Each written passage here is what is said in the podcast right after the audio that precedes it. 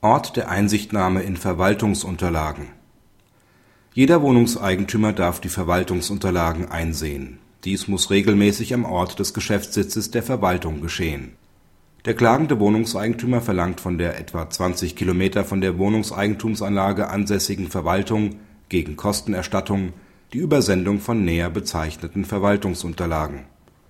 Der BgH weist seine dahin gerichtete Klage jedoch ab.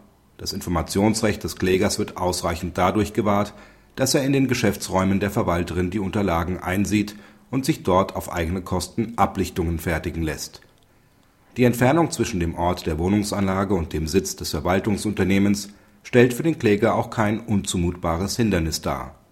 Da es an einer Verpflichtung der Verwalterin mangelt, außerhalb der Geschäftsräume Einsicht in die Verwaltungsunterlagen zu gewähren, kann auch keine Versendungspflicht oder ein darauf gerichteter Anspruch des Wohnungseigentümers bestehen. Praxishinweis Der Entscheidung ist zuzustimmen. Der Senat weist zudem darauf hin, dass dem einzelnen Wohnungseigentümer gegenüber dem Verwalter kein Auskunftsanspruch zusteht, denn dieser ergibt sich aus dem zugrunde liegenden Vertragsverhältnis, welches nur mit der Wohnungseigentümergemeinschaft als Rechtsträgerin besteht.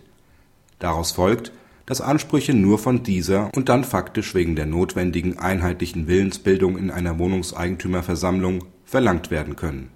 Ob Verwalter sich in der praktischen Abwicklung dennoch einen Gefallen tun, wenn sie die Versendung der Unterlagen verweigern, muss jedoch bezweifelt werden. Denn es dürfte für sie mit einem erheblich höheren Aufwand verbunden sein, zahlreichen Wohnungseigentümern Einsicht in die Verwaltungsunterlagen mit allen Behinderungen des täglichen Geschäftsablaufs zu gewähren, als konkret angeforderte Unterlagen gegen Kostenerstattung zu übermitteln. Die Entscheidung hilft dennoch im Einzelfall, wie vorliegend, querulatorischem bzw. schikanösem Verhalten vorzubeugen